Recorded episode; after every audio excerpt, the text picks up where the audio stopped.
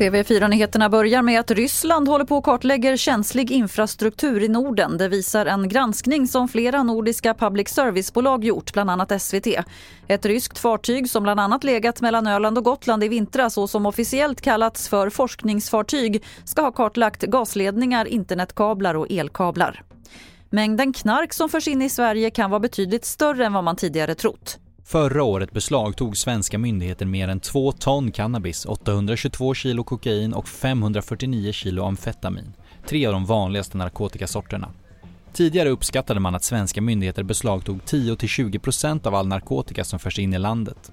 Men när polisen knäckte den bland kriminella populära chatten Encro fann man information som tydde på att mer narkotika än tidigare anat förs in i landet.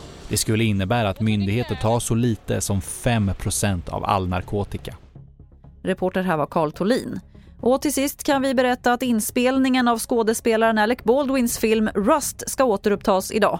Den stoppades ju efter att Baldwin avfyrat ett vapen som visade sig vara skarpladdat och som träffade en fotograf som dog.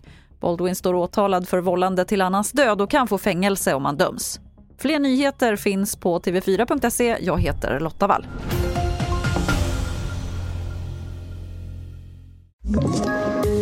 Poddtips från Podplay. I fallen jag aldrig glömmer djupdyker Hasse Aro i arbetet bakom några av Sveriges mest uppseendeväckande brottsutredningar. Går vi in med hemlig telefonavlyssning och, och då upplever vi att vi får en total förändring av hans beteende. Vad är det som händer nu? Vem är det som läcker? Och så säger han att jag är kriminell, jag har varit kriminell i hela mitt liv men att mörda ett barn, där går min gräns.